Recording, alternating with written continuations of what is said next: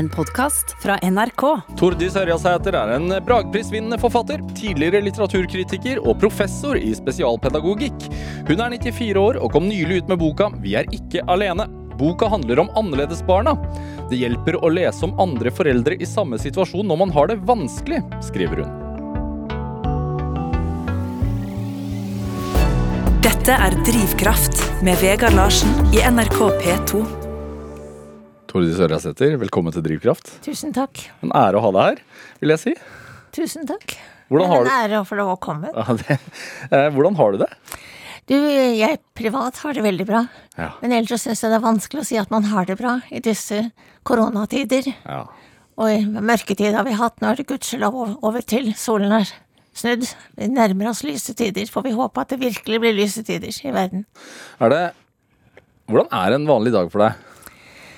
En vanlig dag er å stå opp mellom syv og halv åtte. Jeg er 94 år gammel. Jeg tror det er veldig viktig at man har en jevn rytme i dagen. Så oppdager jeg nå at det tar jo veldig mye lengre tid, allting. Jeg nyter Et av dagens høydepunkt er morgenkaffen med avisene. Jeg leser Aftenposten og Klassekampen hver dag. Nyter kaffen. Rydder huset.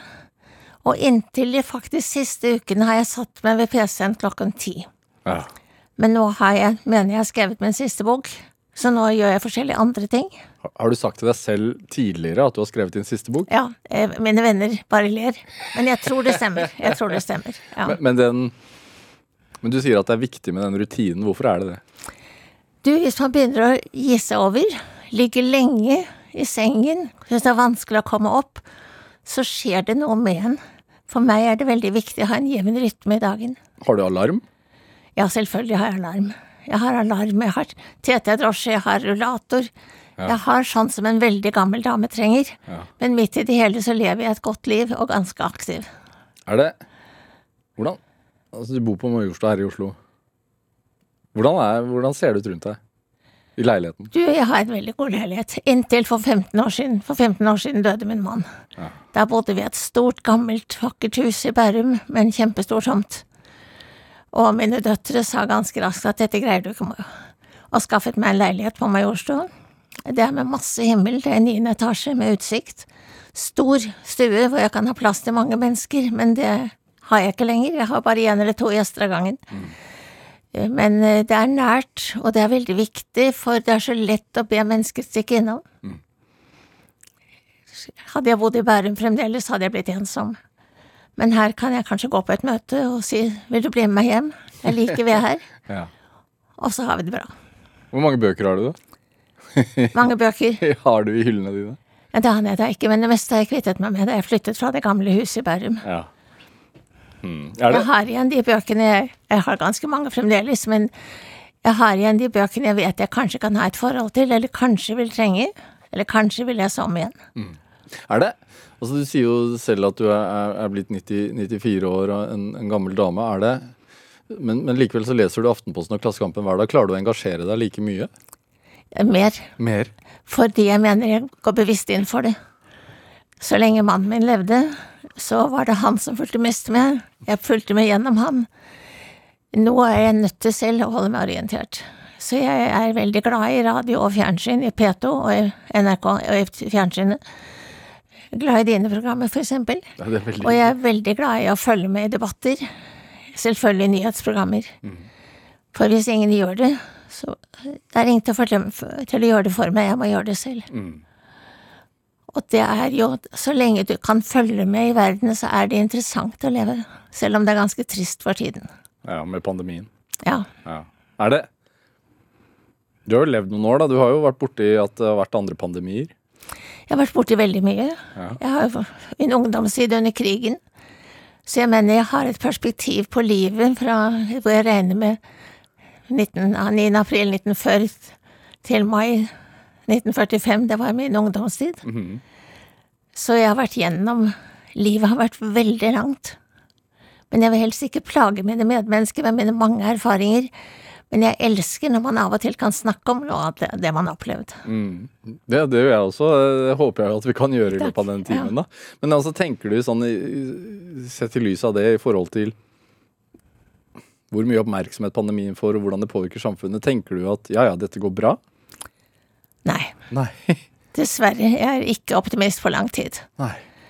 For jeg syns dette med fjerde gang nå, og det er For å snakke litt bibelsk, jeg tenker på kunnskapens tre av og til, så dette vet jeg virker veldig pessimistisk og trist å si, men det er som om kunnskapens tre har vi spist for mye av. Hva skjer fremover? Ja, hva betyr det? Hva betyr det? Du, at uh, forskningen Jeg er selv forsker, men, men likevel at det er noe som har gått for langt i forhold til ansvaret for våre medmennesker. Jeg synes det å tenke hvordan er bare det i Norge, vi har det jo så fantastisk godt, mm. å se ting i en større sammenheng. Vi sitter der med overskudd på sprøyter, på vaksiner, Afrika, andre fattige land. Det å se vårt eget liv i sammenheng med en større verden, mener jeg er kjempeviktig. Mm. Og det makter jo ikke helt? Det ser jo ikke sånn ut. Jeg blir litt oppgitt eller rasende av og til med hva man kan legge vekt på. Når kvinner blir opptatt av at man skal ha veldig pent utseende for å vise seg på fjernsyn, så blir det aldeles meningsløst. Mm. Istedenfor å takke Gud for at man får lov å leve lenger. Mm. Gjør du det? Ja, det gjør jeg hver dag. Ja. Er det Altså, du, i 2015 så skrev du boka 'I hodet på en gammel ja. dame'. du, da var du 88 eh, år. Ja. Jeg synes, Når jeg ser tilbake, når jeg leste den om igjen i forbindelse med dette programmet, ja. og jeg tenkte min kjære, jo da, er, jeg var fornøyd med den, jeg syntes den var ålreit skrevet, men jeg følte at den gangen, da jeg bare var i 80-årene, så visste jeg da ingenting om å være gammel. Nei. Det er simpelthen, det er veldig stor forskjell på å være 80 og 90. Ja. Og jeg husker at jeg syntes det var litt tøft å bli 50 og 60. Men da jeg ble 70, så var det ålreit. Da jeg ble 80, så var det fint når jeg var 90. Da var jeg i Roma med noen venner og feiret 90-årsdagen der. Det var jo fantastisk. Og nå er jeg, som sagt, takke Gud for hver dag jeg får. Ja, Hva visste denne 88-åringen 88 om det å bli gammel, da? Veldig lite om hjelpeløsheten. Mm. Noe av det vanskelige ved å være så gammel som jeg er, er at man er avhengig av mye hjelp man har jo gjennom et liv vært vant til å skulle være den som yter hjelp, mm. og plutselig må man ta imot. Og det er en vanskelig overgang. Kanskje ikke så dumt å venne seg til å måtte være den som tar imot, men det er ikke noe morsomt. Nei, hva er det som er utfordringen med det? Hva sa du? Hva er utfordringen med det? Utfordringen er å greie seg mest mulig. Ja. Siden du spør om hvordan jeg begynner dagen, jeg begynner faktisk dagen med morgengymnastikk, og jeg har ikke noe lyst på det når jeg står opp. Og jeg har min eh, fars ord i ørene mine. Den la, late dreng og den gode seng har vanskelig for å skilles ad. Slik at uh, det var vel når han skulle vekke meg for å stå opp. Og jeg er ikke den late dreng, men jeg, jeg syns det er tøft å stå opp. Men jeg skal opp, og jeg skal ha min morgengymnastikk. Hvor lenge varer den? Det er ikke mer enn ti minutter, så jeg skryter av veldig få ti minutter, da. Ja. Men hva, hva gjør du da? Jeg gjør noen øvelser jeg har fått av en fysioterapeut. Og i det hele tatt, vi lever i et fantastisk godt land. Jeg tenker på jeg i min høye alder.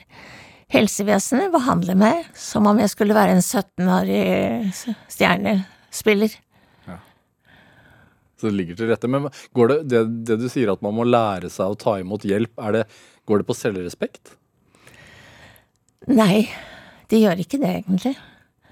Men det gjør det at jeg, jeg liker ikke å plage andre. Jeg vil helst stille opp. Mm. Det har vel vært sånn hele livet, for jeg har vært veldig aktiv. Så man må innse at det ikke lenger er mulig på, ja, på, vet, den måten? Og så vet man jo for en vei, altså jeg ser ganske bra ut i forhold til alderen, det vet jeg selv, men altså jeg feiler en masse ting, så jeg vet teoretisk at jeg kan dø nokså fort. Men øh, det plager meg ikke. Nei. Jeg er glad for de dager jeg har. Kanskje kan jeg leve lenger. Hva kan man lære av det, tror du? Altså at den innsikten er der. Altså, vi, vi, vi, alle kan jo, kan jo, dø før vi aner det, men, men, men man føler kanskje ekstra sterkt på det når man, når man har blitt 94. Du, man gjør det. Ja. Men det er, en, det er, en, sannhet. Jeg vet eksempel jeg er den eldste av mine venner. Og stadig er det en eller annen jevnaldrende eller yngre som dør. Mm. Men jeg er utrolig heldig, for jeg har så mye yngre venner, og det er en berikelse i livet mitt. Da jeg var ferdigvaksinert, da var det to av mine nærmeste venner som ba meg ut på en hyggelig middag, for nå var nå hadde de i hvert fall ikke smittet meg. Og så fant vi ut at det var eh, Ruth Lillegraven, lyrikeren på 42 år, Kristin Brandtzæg Johansen, idéhistorikeren på 54 52. Til sammen var de så gamle som jeg. Det var en morsom måte å feire på. Er det, er det viktig å ha prosjekter? Ja, det er kjempeviktig. Jeg har jo vært så lykkelig at jeg har gått fra bok til bok.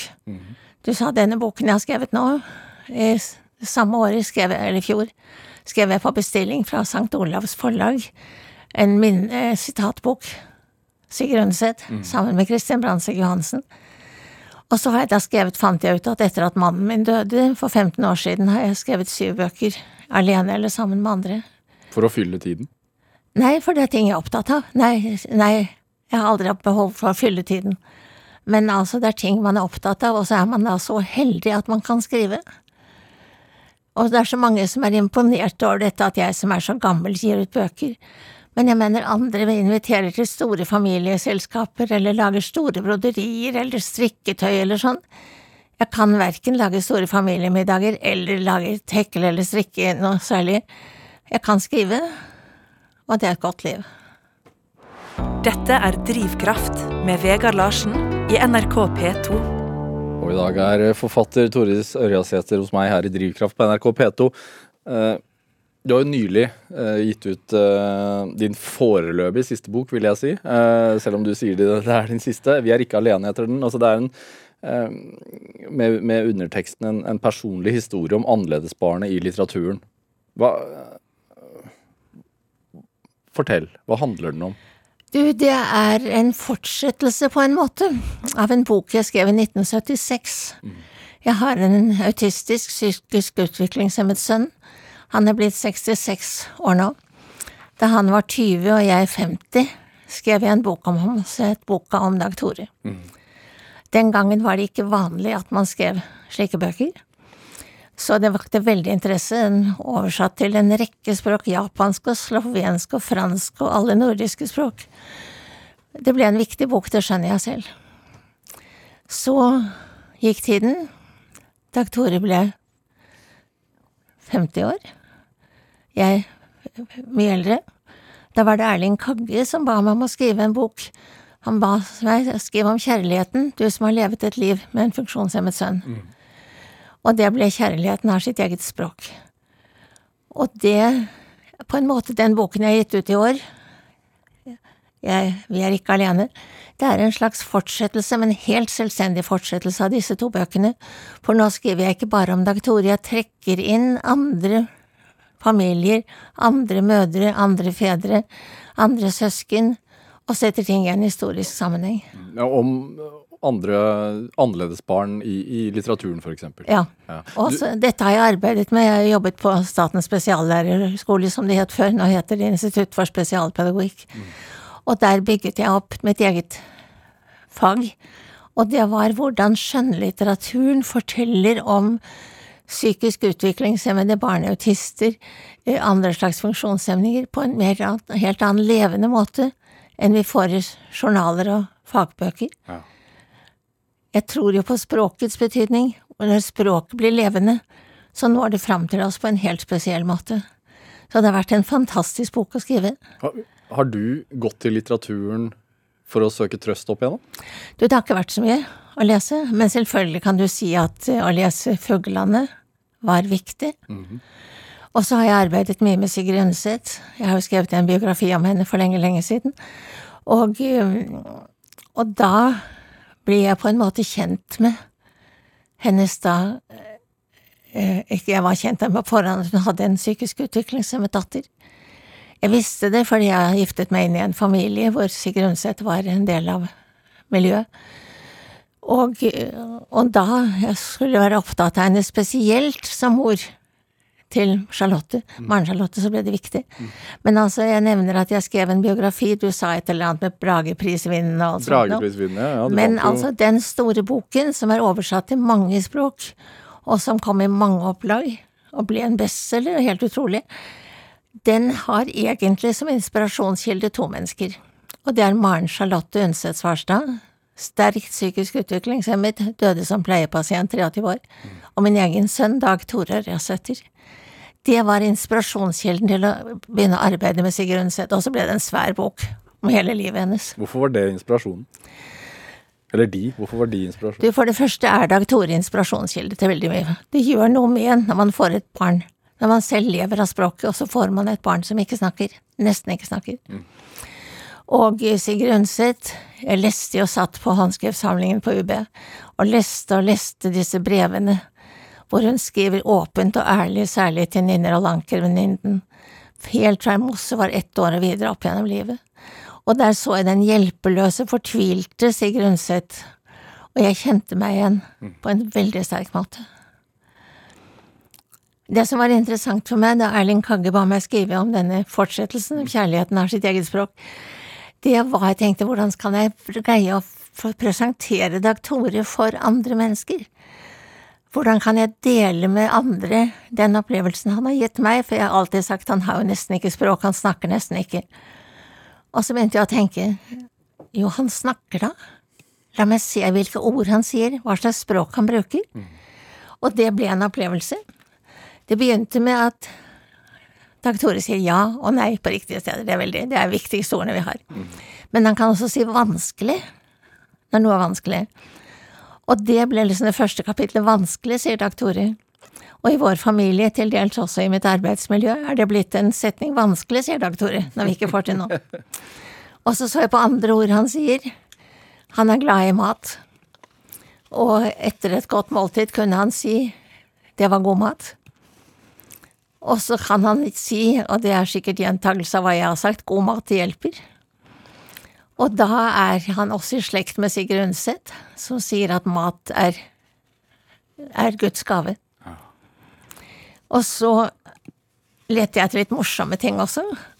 Og det var en gang som min yngste datter skulle kjøre ham opp på fjellet. Og hun hadde lånt vår gamle bil. Langt dårligere enn hennes egen, selvfølgelig. Og så hører Dag Tore henne si 'helvetes møkkabil'.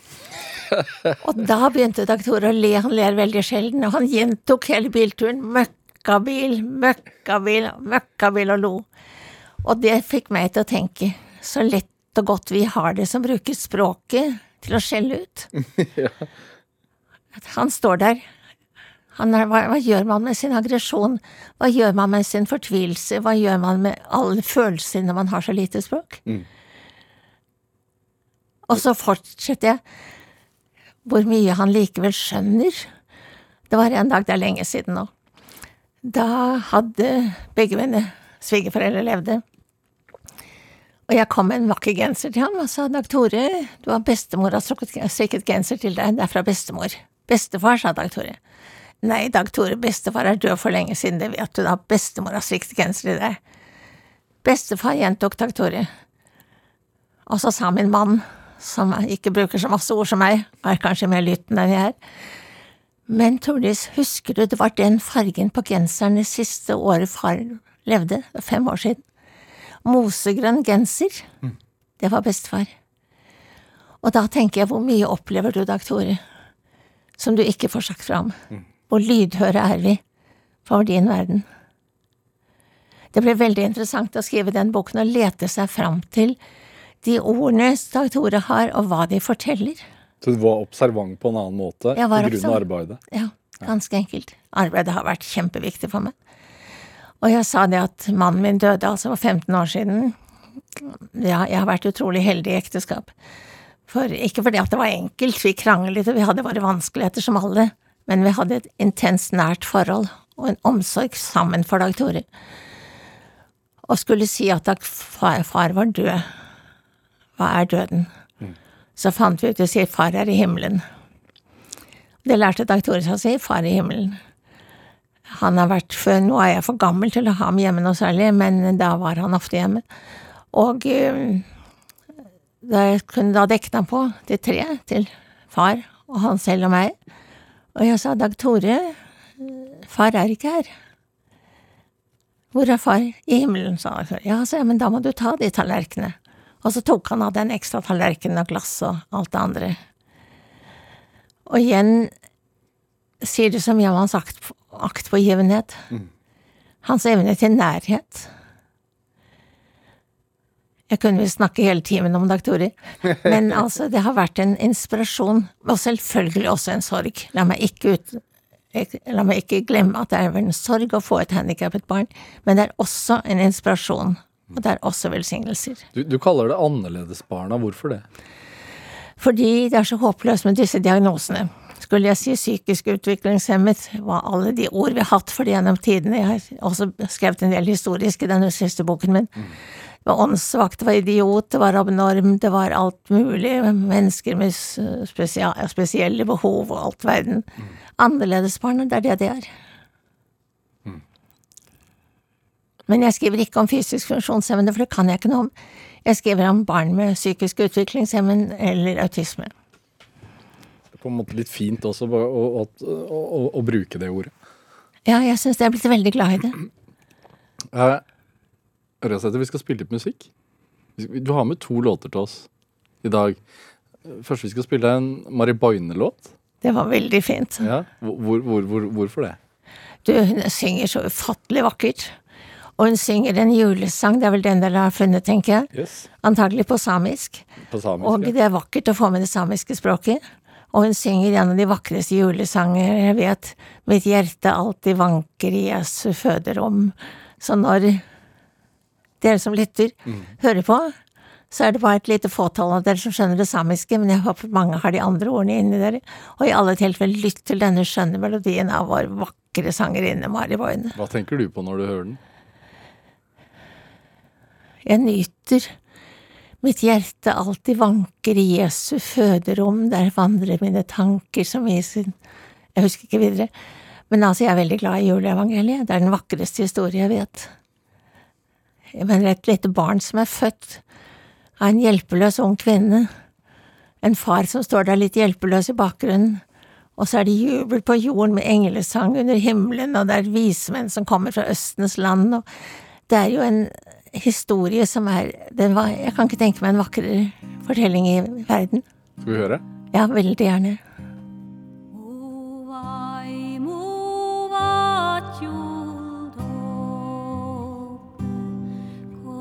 Jesus redi O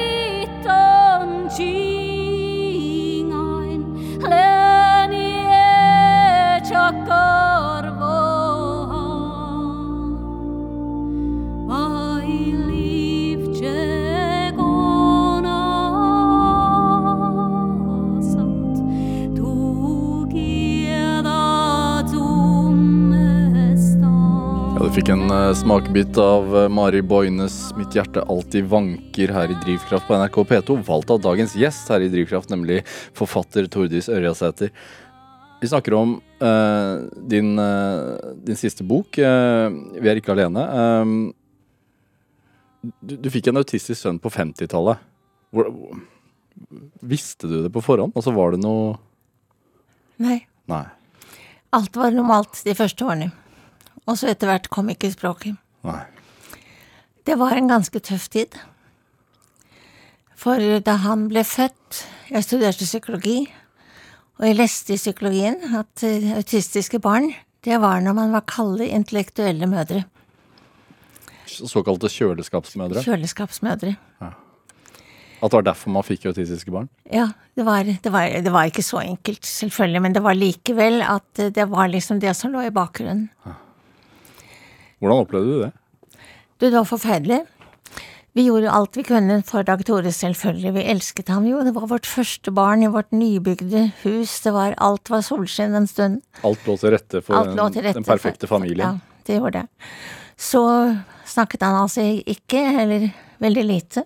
Når begynte du å forstå at det var noe ble treårsalderen. Jeg leste jo psykologibøker. Jeg visste når ting skulle komme til faste tider. Og eh, han gikk i behandling på et psykiatrisk institutt, og der lå det i veggene at det var noe galt med moren. Og det var det man måtte finne. Altså, han fikk da behandling. Han skulle gjennom, ifølge analytisk tenkning, oralt, analt stadium, til tross for at han var, hadde vært brystbarn i ti måneder. Det som hjalp meg, jeg tenkte jeg må, jeg må skjønne dette her, jeg må få hjelp. Så jeg oppsøkte en klok, gammel psykoanalytiker. Jeg tenkte nå skal ikke jeg dø i synden, nå må noen fortelle meg. Etter få timer så sa hun, og da jeg merker hva jeg snakker om det, så senker jeg skuldrene. Hvis de har gjort deres barn autistisk, så er det ikke et barn i Norges land som ikke vil være autistisk. Og så sa hun noe annet klokt. Kan det være slik at når det er intellektuelle kvinner, aktive yrkeskvinner, som får autistiske barn, er det fordi de er, fordi de er intellektuelle, at de forstår at deres barn feiler noe annet enn vanlig ånds- åndssvakhet? Og jeg har fundert veldig mye siden. Hva er det som er dette med at skylden på kvinner? Det var ingen som snakket om fedre. Og det at det da Det stemte jo med tidens melodi, nesten. At man skulle være hjemmeværende mor. Man skulle ikke være en aktiv yrkeskvinne, en som studerte og gikk ut i livet. Da kunne man risikere å få autistiske barn. Altså ble holdt moten, rett og slett. Ja. Og da heldigvis, nå vet man annerledes. Det er jo bare 60 år siden. Nei, 70, Nei, 70 år siden. Det er, det er 66 år siden. Ja, 66 år Ja, siden. eller 60 år siden. Men ganske kort tid, egentlig. da. ja, nå, nå mener man jo annet. Ja. Men altså, dette med morsskylden, det sitter veldig hardt igjen. Det er som en arvesynd man ikke blir kvitt. Og det er fantastisk at selv forfatter i dag, Olav Nilsen, er inne på noe av det samme. Uh, Lars Amund Våge kommer inn på dette med foreldres skyld. Nesten alle gjør det. Hva tenker du om det? Du, det er noe vi må kjempe mot. Og det er blant annet derfor jeg skrev, Det er ikke derfor jeg har skrevet denne boken, men jeg vil så gjerne oppmuntre foreldre i dag. Og jeg vil også gjerne fortelle dem at barna er kanskje veldig dårlige, veldig urolige, veldig aktive, vanskelig å ha med å gjøre. Når de er barn og ungdom. Også hvis de får gode miljøer, så blir det veldig bra. Min sønn har nå et veldig godt liv. Jeg, for å sette det litt på spissen, kan du si at jeg slapper av, jeg har det godt. Jeg har et godt liv, for Dag Tore har et godt liv, og jeg føler at jeg kan dø i fred. Så langt perspektiv er det i grunnen. Har det vært viktig? Altså, har, du, har du følt det, at du ikke kan dø i fred før Selvfølgelig, det har de fleste foreldre, tror jeg. Mm. Det er Arne Skouen inne på, det er Sigrid Undset inne på, det er veldig mange inne på dette at man bør helst ikke dø. Men eh, det gjør vi jo. Hvordan var hans første liksom ti, ti leveår? Du, det var forferdelig at uh, på denne institusjonen han var, hvor det altså lå i luften at det var en del morskyld, så ble han så syv år. Da skulle han begynne på skolen. Det var jo ikke noe spørsmål om skole den gangen. Jeg husker den dagen han skulle på skolen. Da var det en god venninne av meg som hadde sørget for lenge på forhånd å be meg ut, slik at jeg skulle slitte, sitte og slitte, slippe å sitte hjemme. For vi var fem barn som ble født samtidig i vårt nabolag. Fire barn gikk til skolen nypyntet 19. august. Dag Tore hadde ingen steder å gå. Vi var noen foreldre som bygget opp en liten bolig hvor han fremdeles lever. Et veldig godt sted. Men eh, noen skulle fortalt meg den gangen at Dag Tore skulle få et så godt liv. Og det er derfor blant annet jeg også har skrevet denne boken. Det finnes håp fremover. Hva, At verden er veldig annerledes i dag. går det an å hvordan, altså, hvordan føltes det? Du, sier, du snakker jo om foreldreskyld og morsskylden, men, men også var du Var du sint? Var du, var du redd? Var, følte du at ting var urettferdig? Følte du deg aleine? Hvordan, hvordan var det? For det første så hadde jeg mannen min. Ja. Og jeg forstår veldig godt at det blir ofte skilsmisser i familier med funksjonshemmede barn. Hvorfor det, tror du? Fordi det er vanskelig. Det er mange man, man kanskje går med så mye fortvilelse inni seg, og så kan man ikke slenge den ut. Um, men uh, jeg var altså heldig. Men hvordan kjentes det? Du, man hadde så mye å gjøre at man enset nesten ikke. Man sleit. Og så har jeg altså vært heldig og har hatt et arbeid ved siden av. Jeg var barnebokkritiker i Nasjonen først, og siden i Dagbladet. Og eh, det ble til at erfaringene hjemmefra med Dag Tore for eksempel var at det er ikke uten grunn at jeg valgte Mari Boine med eh, den musikken. Med, med hjertestille banker, ja. Ja, for, eh, for Dag Tore, når han var urolig da han var liten, det eneste som kunne hjelpe ham til å slappe av og ha det godt, det var at jeg sang. Og jeg kunne veldig mye religiøse folkemelodier, for jeg hadde en søster som for øvrig har jobbet her i NRK med folkemusikk for lenge siden. Så jeg kunne veldig mye. Så jeg sang Bånesull, religiøse folkeviser, Prøysen sang og sang og sang og sang. Jeg merker at jeg begynner å bevege kroppen sånn som jeg gjorde den gangen. Vugge. Jeg vugger simpelthen. Ja. Og da kunne jeg stå, da endelig roet han seg, og så kunne han tørre å legge seg. Og så opplevde jeg at han var glad i å se på bilder. Jeg, altså Mannen min var teater- og litteraturkritiker, jeg var litteraturkritiker. Det var masser av bøker i huset, og han likte å se på bilder. Og fremdeles er da han, Noen ble spurt i et sånt spørreskjema en gang om hans interesser, det var blant annet lesebøker. Og da vil man selvfølgelig tro at han kan lese, det kan han fremdeles ikke, 66 år, men han har sett masse bøker, og blar og blar og blar. Så det at man får kunstneriske impulser, gjennom musikk, gjennom bilder, malerier, er kjempeviktig. Så det er blitt et imperativ i livet mitt, så det er vel det jeg har brukt yrkeslivet mitt til. Den øh, Ja, en drivkraft, rett og slett. Ja, det er drivkraft. Ja. Ja. Den, altså kjøleskapsmødre og en sånn slags sånn merkelapp i, i samfunnet. Altså når, når følte du at det endret seg? Du, det endret seg ganske tidlig, men det henger noe igjen fremdeles. Og der Jeg har et kapittel i en av bøkene mine heter Litt kvinnesaken er mye. Jeg tror det er kjempeviktig at vi prøver å frita særlig mødre for den skyldproblematikken. skyldproblematikken. Det ligger liksom i en ingen av oss strekker til. Vi strekker jo aldri til overfor våre barn. Kan det være mødre som ikke har annerledes barn også, som har Ja, Hvis det går hvis det, hvis det, snakk litt høyere for meg. Nei, så kan det Den skyldfølelsen, kan den gjelde mødre generelt? Og så tenker du også at man At det er lettere å få en mors skyld hvis, hvis, barn, hvis det går si, galt i Ja. livet til barnet hennes? Ja, det tror jeg absolutt. Ja. Absolutt. Men jeg er begeistret for en av de som virkelig har stilt opp, hvordan Arne Skauen stilte opp. Jeg vil hylle ham. For han fikk jo et handikappet barn veldig tidlig, enda tidligere enn Dag Tore. Og han stilte opp Først så skrev han generelt omkring fine epistler om eh, barn som hadde vanskelig, og så stiller han opp ærlig at det er han selv som har sin Hege. Og i alle bøker hvor han skrev, så sendte han til meg et eksemplar, så skrev han 'For alt vi har felles'. Hilsen Arne. Så han skrev og kjempet fram i Ballerina, for eksempel, som gikk i sin verdensgang, den skuespiller. Og hans, en av hans døtre, Synne Skauen, har jo senere laget en ballett over samme motiv. Men der er det jo bare sorgen, ikke sant. Der her, han ser ingen utvei, ingen annen utvei enn å ta livet av seg selv og barnet. Og denne dødsproblematikken, den er der i veldig mye under, i flere bøker, hvor man kanskje ikke ser noen utvei. Og da er det livet må gjøre det, å si at det finnes, en, finnes i hvert fall håp hvis et barn får et godt miljø. Det er Hva har vært redningen din da i vanskelige tider? Redningen i mitt liv? Ja. Du, for å være helt ærlig, så tror jeg det er gudstroen. Hvordan da? Du, jeg tror Jeg tror på en gud. Og øhm, jeg ber til Gud. Og jeg kan jo være så åpen her at jeg kan si hva jeg sovner til om kvelden. Ja. Det er vanskelig for å sove. ja.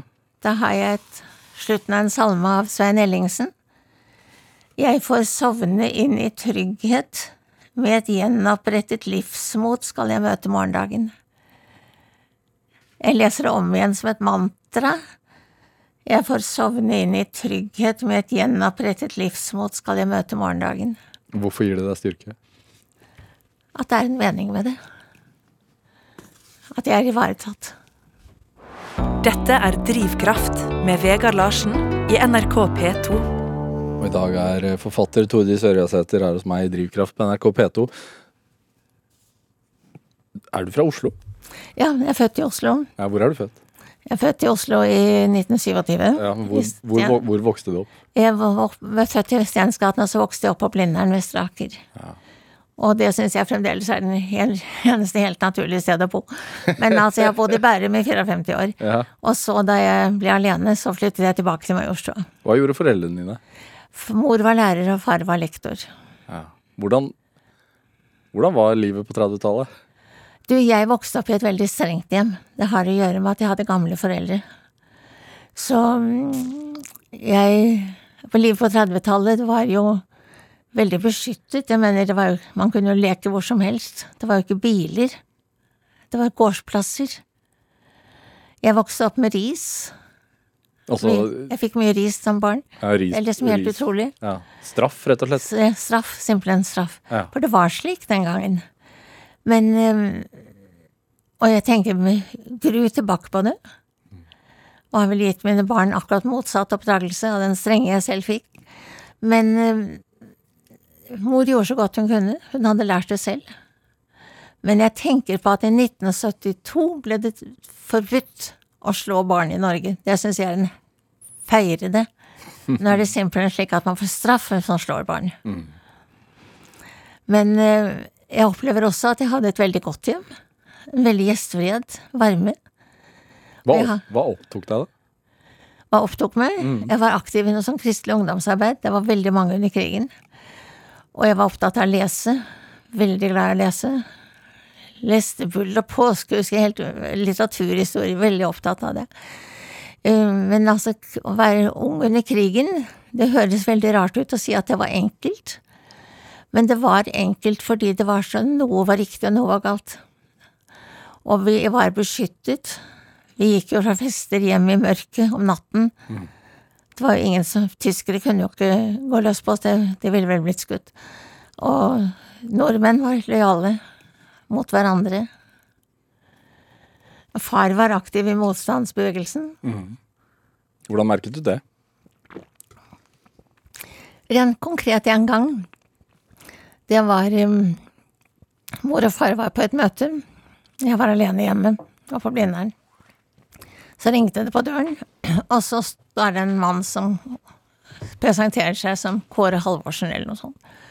Og jeg visste at Kåre Halvorsen han så helt annerledes ut. Denne mannen hadde skjegg og mørkt hår. Kåre Halvorsen hadde ikke skjegg. Og så tenkte jeg, hva gjør jeg? Er det slik at han vil snakke med far? Hvis, er det slik at han simpelthen han vil prøve meg? ble tar jeg hjertelig imot. Og han da var en som skulle få tatt far. Og samtidig, hvis det virkelig var han, så måtte jeg være hyggelig.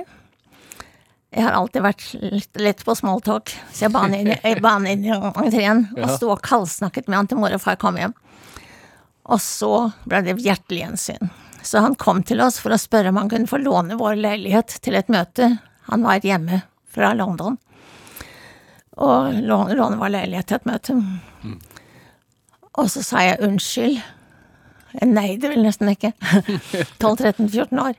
Og sa unnskyld at jeg var så lite hyggelig, jeg forklarte hvorfor. Og så sa han følgende, hvis flere hadde vært som deg, så hadde færre blitt skutt. Og det er det vakreste noen har sagt meg. Men jeg husker at far etterpå fikk da sigaretter med Håkon den syvendes monogram på. Og han var jo helt galt av tåk, sult, hunger. Men de kunne ikke røres, de skulle gjemmes bestandig. Men det var altså dette at det var enkelt. Enten så var du på den gode siden, eller så var du på den gale siden. Er det Når man har altså, levd såpass lenge eh, Det har jo skjedd vanvittige endringer Ja. i samfunnet. Og, og ikke minst teknologisk. Og hva, hva er den største endringen, som du ser det? Jeg tror det var kvinnens rolle. Ja. Ja, men jeg vokste opp med en mor som eh, var utdannet lærer, lærer, men bare var sin manns kone hele livet. Og hun burde fått lov også, men jeg sier fått lov. Men det var jo slik, det var noen lover på 20-tallet, at man, hvis man var forsørget, så skulle man ikke ta plassen for andre som trengte jobb. Men det lå liksom i kortene at mor skulle være fars hustru. Og det at man da får bruke sine evner og krefter, det er noe av det alt beste. Og synet på barnet, ikke sant. Barn, og der, men så kan du si samtidig at Nei, altså he, hele, hele utviklingen. Jeg mener, da jeg var barn, så var det jo ikke biler, da var det jo eh, Man kunne leke hvor som helst. Nå har man jo beskyttelse. Nå er det kunstig beskyttelse å være inne. Hvor, hvor lett var deg altså, Det at du valgte en yrkesvei og, og en karriere Du, det ble veldig bifalt av både både mor og far. Ja. Men jeg glemmer ikke da jeg til jul en gang fikk en stekepanne av en mann. Da lo mor seg helt bort. At en, at en mann kunne gi en at, at, ja, Nei, jeg ja, mann kunne gi en stekepanne til meg, bruke stekepanne som en presang. Nei, det var jeg som ga en stekepanne til ham. Oh, var sånn. Og Det at du kunne gi det til en mann? jeg kunne gi, det- til en mann en stekepanne. Og husker også hun syntes at Jo var så snill at jeg fikk lov å jobbe. Hadde han noe valg, egentlig? Nei, han hadde ikke valgt. Han hadde ikke valgt. Han hadde ikke valgt. Nei, nei. Men han ivret jo veldig for at jeg skulle gjøre ferdig en utdannelse. Ja. Hvorfor var det så viktig for deg, da? Du, Ellers jeg tror jeg det hadde blitt fryktelig vanskelig å leve med. Jeg tror jeg simpelthen hvis All den energi, all den livsglede jeg har i meg når det gjelder formidling Altså, vi er begunstiget i dag i vår kvinnerolle. Og den har vi uansett rynker eller ikke opp til i dør. Når er det du kjente på den? Altså, hva var det som satte i gang det, den drivkraften hos deg? At du, at du hadde et formidlingsønske, og at du hadde noe altså, våget å ha noe på hjertet, holdt jeg på å si. Jeg tror jeg er født med den. Jeg tror um, Jeg har ikke noen evne til å være offer. Jeg tar en glede ved å formidle. Og, um, og det har hjulpet meg, selvfølgelig.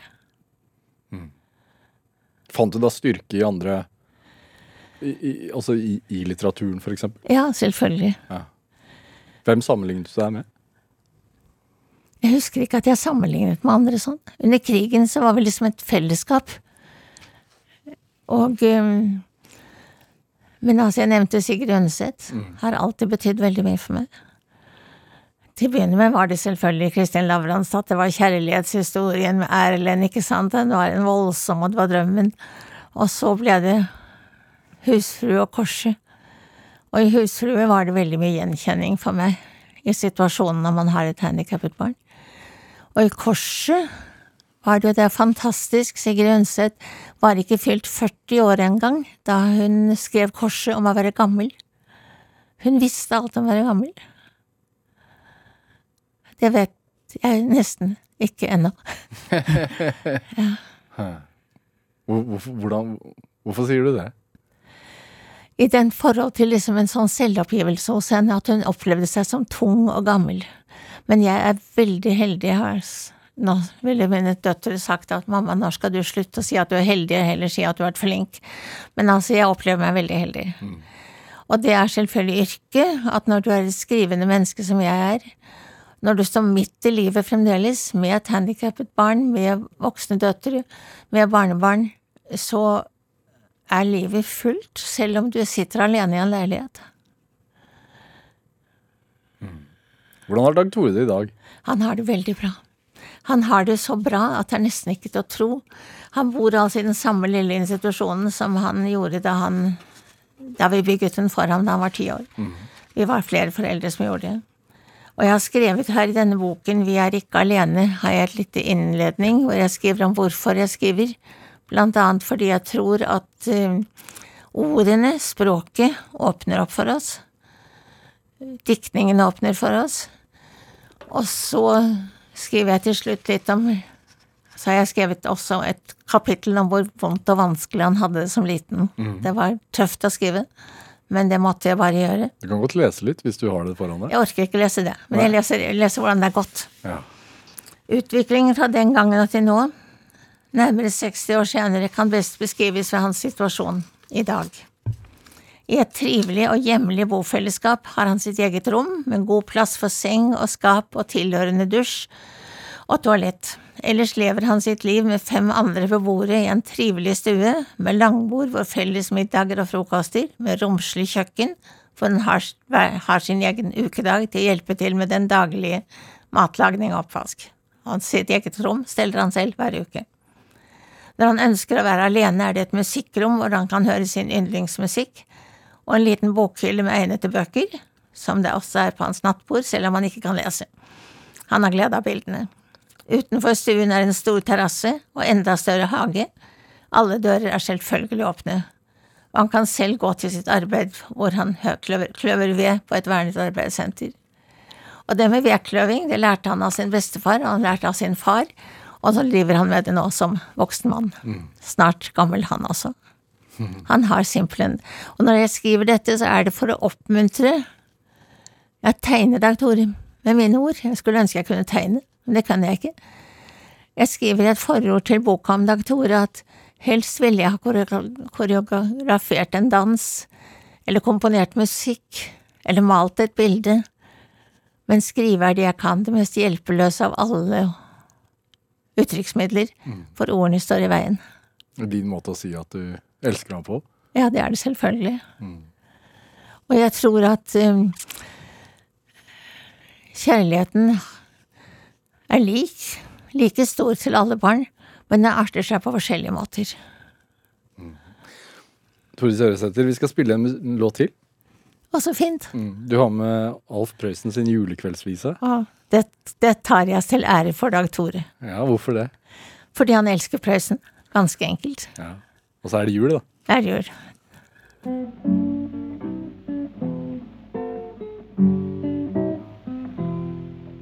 Nå har vi vasket gulvet, og vi har børi ved. Og vi har satt opp fugleband, og vi har pyntet tre. Nå setter vi oss og hviler og puster på ei stund.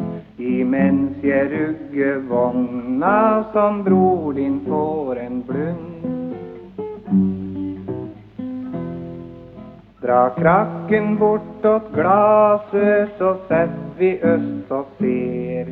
Og prøv å finne leia der julestjerna er. Den blankeste ta alle, hun er så klar og stor. Du ser av over taket, der av jordmor Mattia bor. Hun er så snill den stjerna, hun blunker kan du sjå. Og nå skal jeg fortelle ja, så du kan høre på. Den første gang hun skinte, så laga hun ei bru. Imilla sei og himmel, nå ei krybbe og ei ku. I krybba låg en liten gutt så rein og blid og god. Og mor hans dreiv og stelten, og far hans sto og lo. Og gjetergutta der omkring, de kutte til og frå. Og bar med seg små lamunger som gutten skulle få sjå.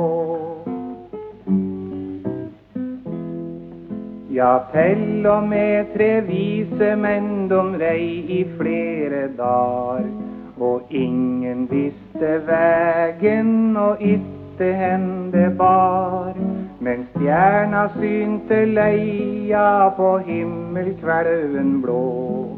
Så ingen ta dem gikk bort seg, og alle tre fikk sjå.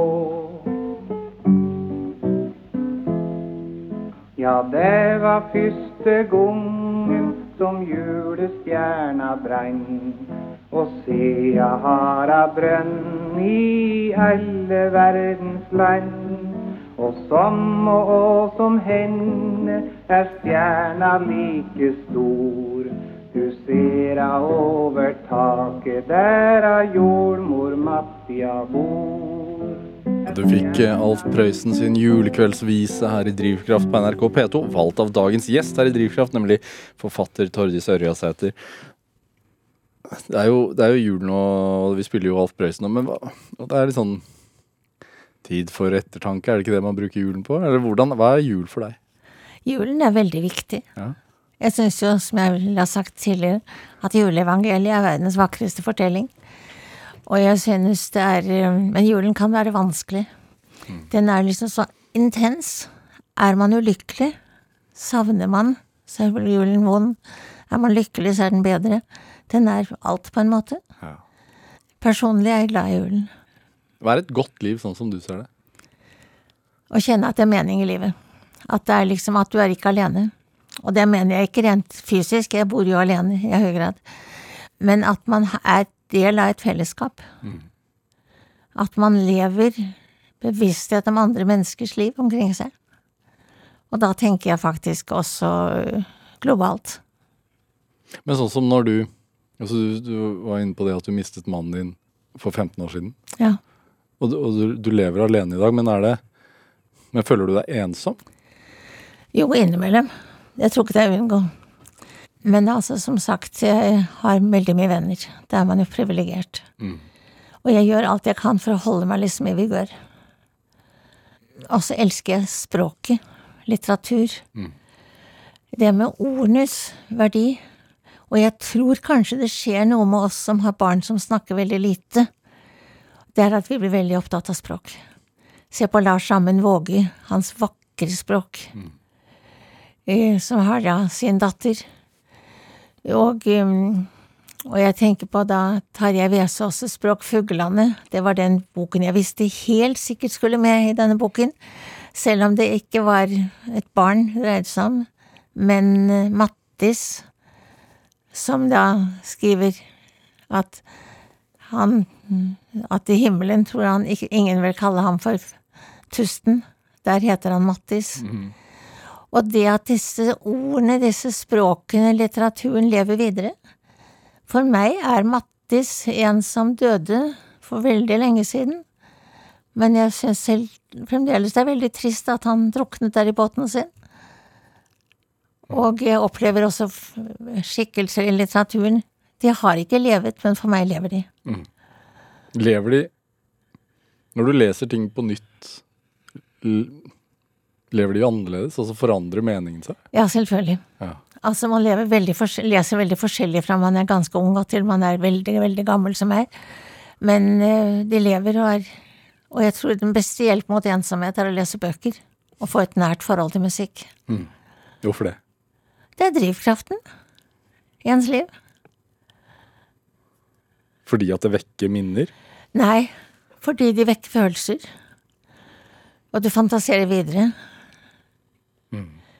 Og det som gjør veldig inntrykk på meg, jeg har snakket om Dag Tore, jeg har lyst til å gi en liten hyllest til en av våre samtidige diktere, Ole Nilsen, som jo greide å skrive da hun hadde det som aller vanskeligst. Lars Amund Våge, jeg selv, de fleste andre, Vi ventet med å skrive til våre barn hadde det bedre. Hun greide å formidle fortvilelsen midt i det vonde. I det hele tatt så skjer det en del en yngre forfattere som skriver om å være søsken. Verden åpner seg. Hva er hemmeligheten for å holde liksom, en sånn, den drivkraften ved like, da? Ikke å gi seg over til å være offer. Ikke å synes synd på seg selv. Ja.